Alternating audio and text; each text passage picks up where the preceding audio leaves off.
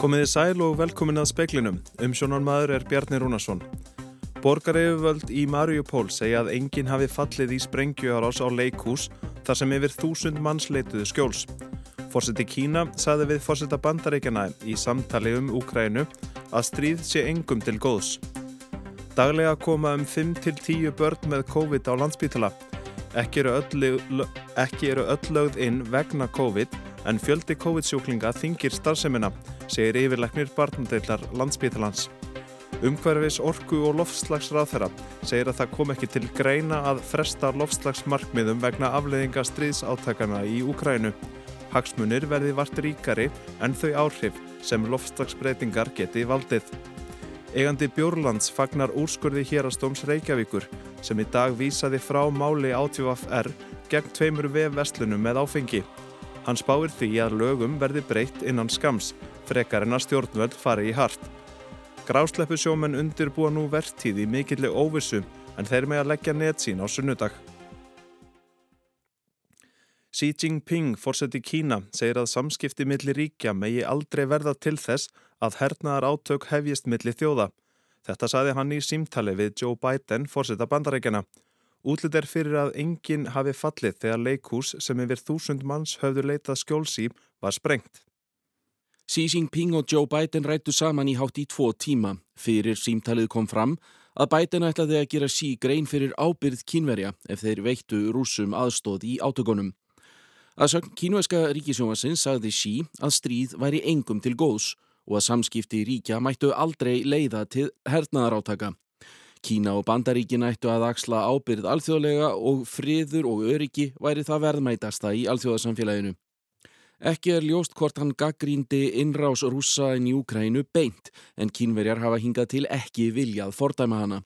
Engin tilkynning hefur borist frá kvítahúsinu um innihald símtalsins. Átökin í Mariupól hafa nú borist inn í miðborgina. Hún er reyndar varla til lengur, segir borgarstjórin Vadim Bojtjenko við Breska ríkisútarpið. Borgar yfirvöld segja hins vegar frá því í skeiti á samfélagsmiðlinum Telegram að enginn hafi fallið í sprengju árás rúsa á leikhús þar í fyrradag. Það sem yfir þúsund manns höfðu leitað skjóls. Hins vegar sé einn ítla særður. Síðustu freknir hermað 130 manns hafi verið bjargað úr rústum leikhúsins en ennþá eru 100 manna först þar inni. Hallgrimur Indreðarsson saði frá.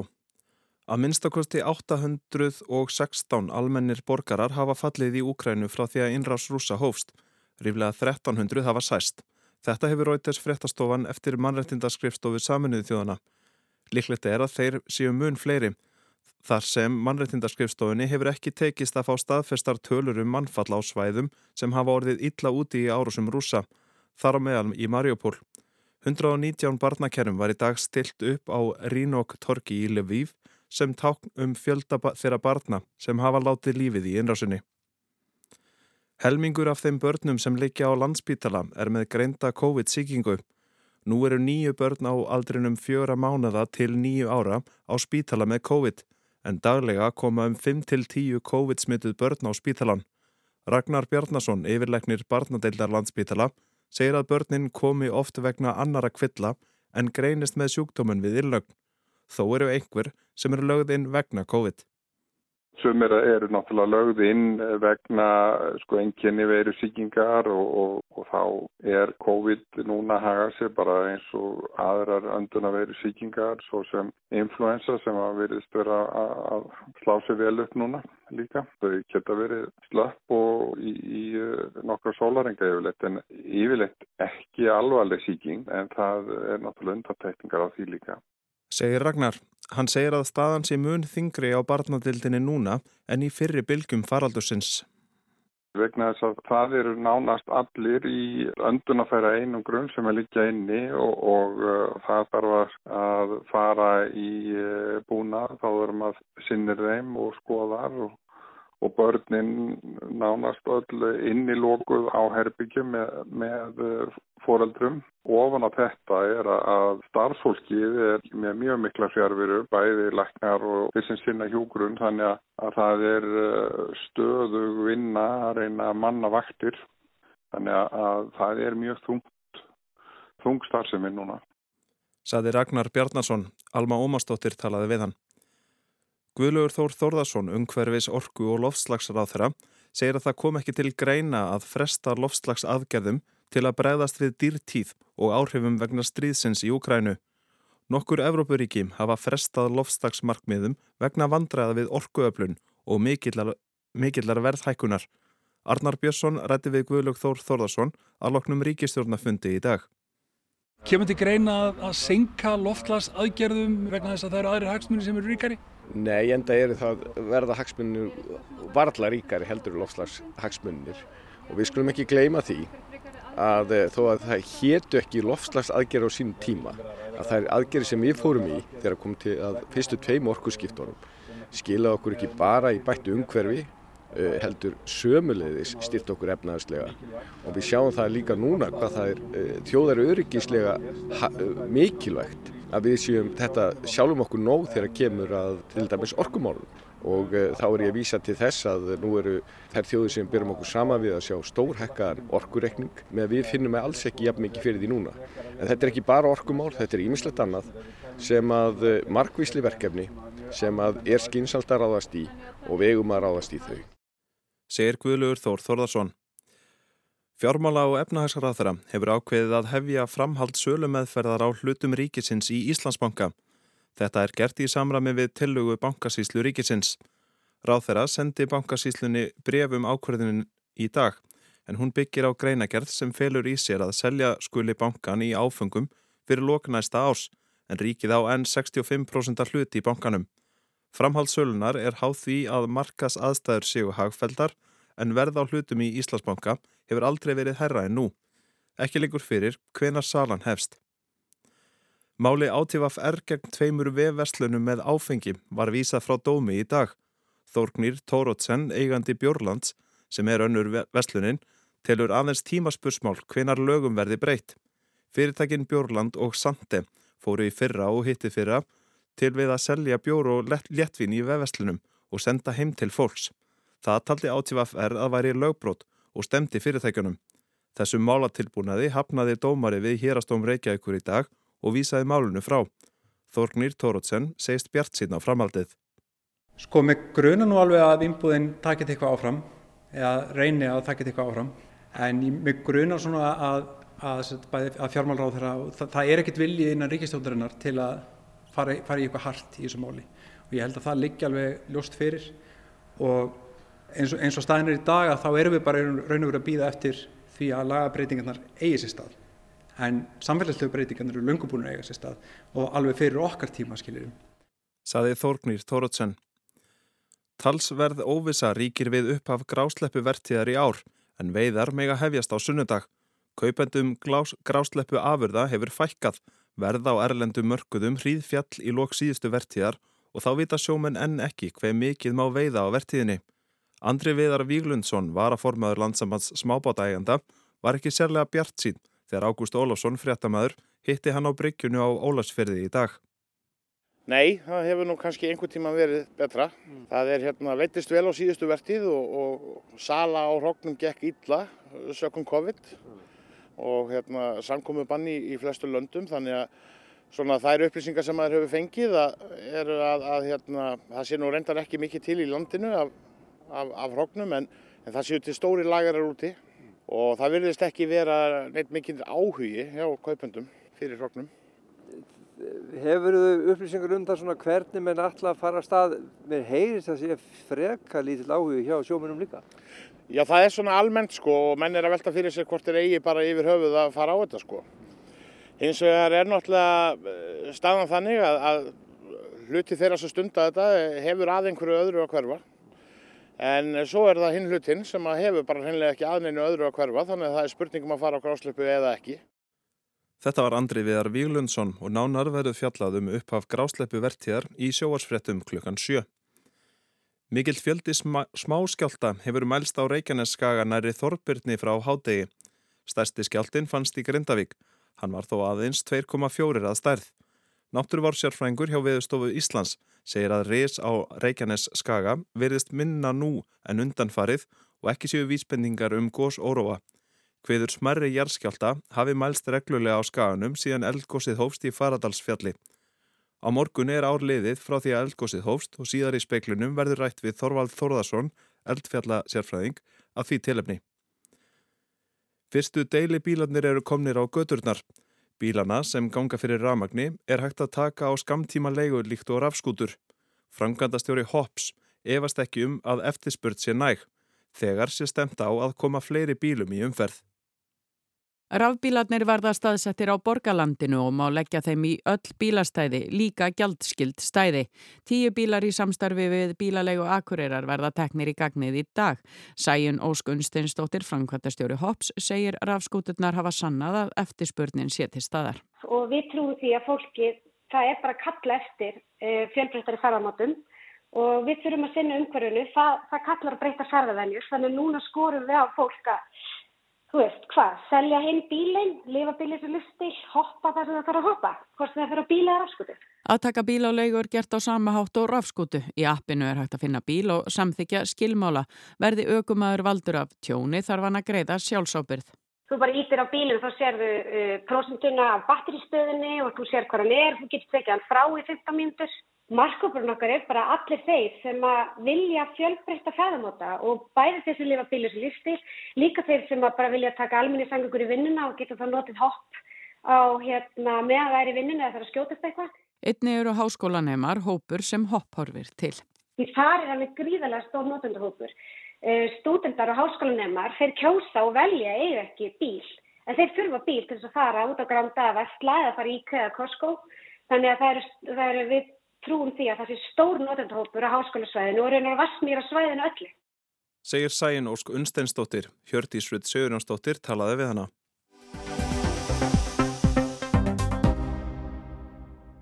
Í speiklinum í kvöld. Á morgun er liðið eitt ár frá því að eldgós hófst í geldingadölum. Gósið stóði yfir stóran hluta síðasta árs, en engin eldvirkni hefur verið þar síðan sent í haust. Margir lögðu leið sína í geldingadali til að bera það augum. Við ræðum við Þorvald Þorðarsson, eldfjallafræðing, sem fyldist grant með þróun gósins allt frá upphafi. Og í síðara hluta þáttarins lítum við til Svíþjóðar, þar sem framleysla vindorku vera hefur aukist til muna senustu ár.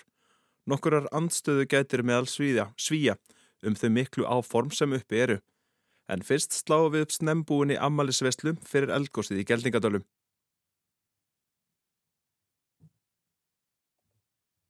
Eitt ár verður liðið á morgun frá því að eldgósið í Geldingadölum á Reykjaneskaga hófst. Það var sent á nýjönda tímanum förstudagskvöldið 19. mars sem eldur bröstu upp á yfirborðið. Kristján Sigurjónsson segir frá. Mikil skjáltavirkni hafi verið dagan á undan við Faradalsfjall sem íbúar á Suðunessum og á höfuborgarsvæðinu urðu rækilega varir við. Grindvikingar fengu samt mest að finna fyrir jarðskjáltónum. Þar leik allt á reyðiskjálfi dagana fyrir gósið. Í hátægis fréttatíma útarsins lögardaginn 20. mars rifjaði Yngvar Björnsson, fréttamaður, atbyrðar ás kvöldsins og næturinnar upp. Tilkynningar um gósbjarma á himni ofan við Fagradalsfjall bárust á nýjunda tímanum í gær. Fljótlega var ljósta eldgós væri hafið. Sérfrængar veðurstofunar og almannavarna fór í þyrtleflug yfir góstöðunar á tíunda tímanum. Stjórnstöð almannavarna var virkjuð sem á aðgerastjórn á Suðunessum og neyðarstíja var líst yfir. Bjarminn sást víða. Bóji Adolfsson formar Björgunarsveitarnar Þorbjörnar í Grindavík sagði að margir hefur lagt leið sína á Reykjaneskaga til þess að berja gósið augum. Það mætti ekki og að Reykjanesbraut lokaðum tíma. Ég veit að það er fólk farið á staða lappandi og annað sko. Það getur bara verið hættulegt. Gósið kom upp í geldingadölum úr miðjum kviku ganginu millir Keilis og Faradalsfjalls og var góssprungan talin að vera um 500 til 1000 metrar að lengt.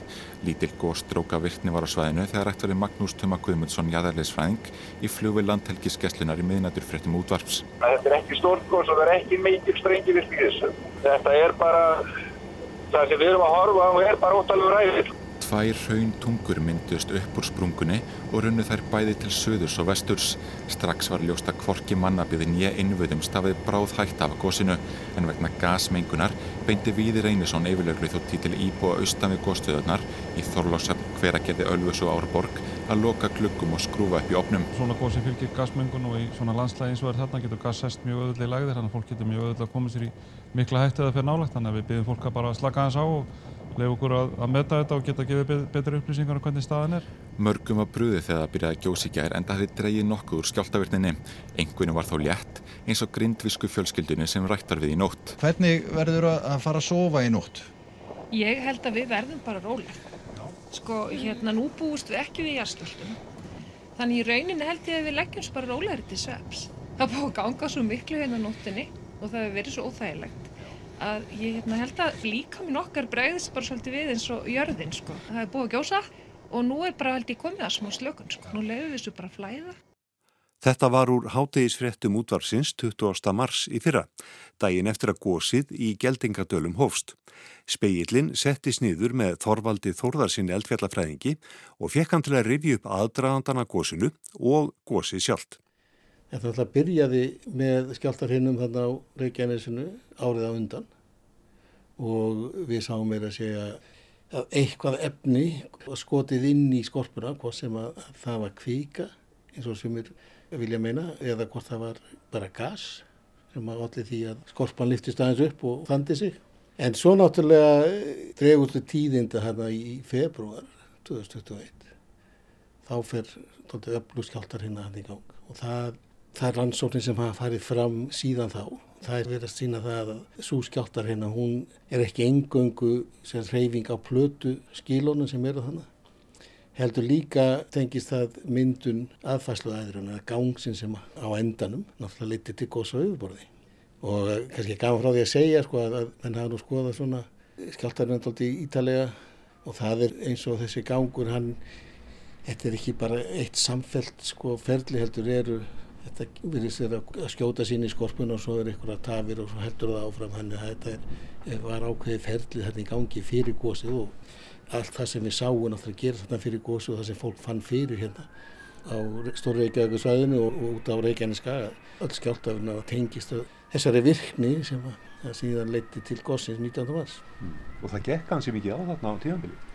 Já, þetta voru hansi öflug skjáltar og ég held að á endanum þá sjáum við það að þetta er einhvers konar samspil á nýg um hlutumótin sem að búa til til þetta stóra skjálta og síðan kemst kvíka þetta inn og hún fer að íta á, þess að reyna að tróða sér upp og þá byggist upp þrýstingur og þegar út með þrýsting það er náttúrulega saman eins og vera með kraft og íta með krafti á eitthvað og þá endanum brotnar það og þá fengum við líka til dæla stóra skjálta. Þetta voru margir hansi skjáltum hansi öflur og fólk fann vel fyrir þeim en það er nú kannski líka að hluta til vegna staðsendingarinnar og svo eins hvernig sprunguna liggja á Reykjanesi þannig að sumar þessu sprungu þar leitu skjáltana ansið vel í, í áttina Stórveiki eitthvað sæðin. En var þetta síðan svona eftir á higgja eðlileg atbyrðarás að það skildi byrja að gjósa þarna millir hluka 9 og 10 á fasta sköldi 19. mars? Já, já, sjálfur sér það alveg sko, með það sem var undan á gengið og, og menn voru búin að sjá þarna að gangurinn hann var komið mjög grund sennilega upp á 1-2 km dýpi og þar hann að stoppað og eitthvað taði fyrir honum og það er sennilega það sem taði fyrir honum er, er það að skorpan er náttúrulega lagskipt. Þetta er svona, þú hugsaði þetta er svo lagtertu og svo eru eiginleikar hvers lags eru mismunandi. Það eru auðveldra að komast í gegnum sumlu og svo erfara að komast í gegnum önnur og þá fer kannski kvikan einn að tróða sér lárétt að með mörkunum milli lagan í tertunni sko. og svo finnur einhvern annan veikleik og þá kemur það upp. Og þetta verðist að hafa verið sagar sko, sem að var í gangi þannig út á Reykjanesi. En gósi sjálft og það sem að síðan kom í framhaldunum næstu vikur og, og mánuðir, var þetta eins og þið byggust þið þetta myndi verða? Alls ekki. Sko, í fyrsta lagi þá þau gósi ég hef fórst á fram að þessu, þau byrji alltaf með töluverðin látum og eru frekar mikil í byrjun og þú fær svona háa kvikustrókavirkni eða jafnvel háa gósmekki og framlegin er til dæla að hafa byrjun svo dettur hún til dæla rætt niður og þetta svona róa svo jafna svo næri einhverju svona nokkur skona jafnbægi og, og myndi fyrir að mynda raun eða, eða heldur áfram með veika sprengivirkni og svo endanum þetta út svona smátt og smátt. Hann er svona er ferlið í flestu góðsum. Þetta góðs gerði það ekkert. Það bara byrjaði að leka út svo hjálpa bara áfram að leka og gerði það þannig sex mánuði og, og reyndar lengur því að ef við skoðum gerðvitúlamyndir og sérstaklega hýtamindir þá sjáum við að það er hýti þarna í Kjeldingadölum, í gignum og, og í raunum þar í kring, alveg fram yfir jól og þá verður þegar stóri skjáltin var þarna, ekki að milli jól og nýja segir mhm. maður rétt, að þá lokast fyrir og þá fór allt kerfið að kolna Þannig að eins og við sjáum þetta hér sko, þá endaði gósið millir jól og nýjast. En það síndi sér ekkit mikið að yfirborði sem frá miðjan september og fram með því jól. Sko. Raunnið sem kom þarna upp, hversu mikið er það í magni? Þetta er nú frekar lítið, svona, við mælum til í rúmkilometrum. Þetta er 0,1 rúmkilometr, svona nokkur neginn. Það er kannski ekki rétt að segja lítið en það er, er lítið miða við staðstur raunin sem við þekkjum á Íslandi. Það, þetta er alveg, ef þú lappar yfir þessar raunbreið þú finnur alveg fyrir því. Og hún er, er, er alveg sæmilega laung, þannig séu þú ekki, kannski ekki alltaf greið yfirferðar heldur. En miða við til þess að skaftarelda raunin sem er 50 km langt og 15 rúmkilometrar eða elgjárhaunin sem eru nálega því 20 rúmkilometrar og, og svipað á lengd eins og skaftareldarhaunin. Svo náttúrulega þjósarhaunin sem er 25 og þjósarhaunin náttúrulega komur við þetta svæðin og nær alveg niður á strönd við Eirabakk og Stókseri. Þetta eru stæstur hraunir sem við þekkjum á, á síðustu tíðust árum eða frá því að jökla list á Íslandi. Að, svo ef við förum hérna næri tíma eins og við góðs í Hólurhrauninu 2014 og 2015 það er 1,2 kilometrar. Þannig að þetta er nú svona í minni kantinum með þessa, þessi sískinni sínhanda sem er heldur stærri. En þetta er til dæla nálagt byggð, þetta var samt á heppilum stað. Já, já, þetta er, sko, hefði ekki geta verið á betri stað á Reykjanesinu, en þess að það er náttúrulega er fyrst og í, í tiltöla djúbum dal hann inni og þessi dalir, meradalinn og geldingadalinn, þetta, þeir heldur rauninu doldi vel, sérst nálagt gígnum og var ekkert að, að dreifði verulega úr sér. Þannig að ef það hefði verið opnara þá hefði hraunir alltaf verið þinnra en það hefði dreifst um, um stærra flæmi. Þannig að þetta er náttúrulega mjög góðu staður og, og það er mjög gott fyrir okkur sem sagt að þessu svæði að fá svona viðvörun um að við búum á eldurkarsvæði. Gósið er til og svo afmarkast hraunflæði við svæði sem að, sem að skemmdirnar eru alveg í lámarki. En við mögum ekki gleyma því að Reykjanesið mungjóðs aftur og það er ekki víst að það verða á svona heppilegum stað. En þú talar um að góðsið hafi staðið yfir í hvað, sex mánuði og kannski endanlega lokið um áramótin. Mm -hmm. Hvað gerist næst? það er góð spurning. Við vitum það náttúrulega ekki. Það get alveg farið svo að góðstakis upp aftur á þessu stað. Það er nú til í sögunni dæmum það að, að góðs hafa, ákvæmlega góðstöðvar hafa farið í, í nokkra mánuða hlið og jafnvel upp í ára og svo kemur góðsið aftur. Það er ekki útiloka það, þetta er alveg gerst þarna á Reykjanesinu og kannski ræðist átti mikið af hvers konar skjálta ef við fáum, eða við fáum til dæru stóran skjálta á Reykjanesinu að það nálat faradarsfjalli, þá getur það opnað aftur fyrir kvikustreimi upp, upp, en það getur líka opnað fyrir eitthvað annar staðar. En miða við svona það sem við höfum verið að horfa og þá þykir við nú líklegt að Reykjanesi sjálft tækir nú við sér kannski í, í náinni framtíð. Og eins með Krísuvíkin það er alveg hugsanlegt að hún fara af stað líka. Það er svona, maður horfir á hvernig djúbuskjáltanir eru þá er þetta, þetta svona það svæði sem erum störa svona sína kannski mestu merkjum það að eitthvað er í gangi þannig að niðri, djúpt niðri Þetta var Þorvaldur Þorðarsson Kristján Sigurjónsson talaði við hann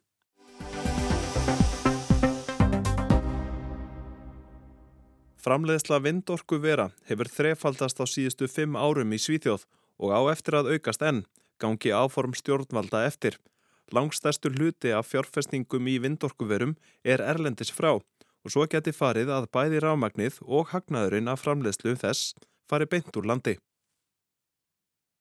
Mikill gangur er í byggingu vindorkuvera hér í Svíþjóð þessi miserinn, en það segja talsmenn vindorku fyrirtækja að aðstæður séu óvíða jafn góðar.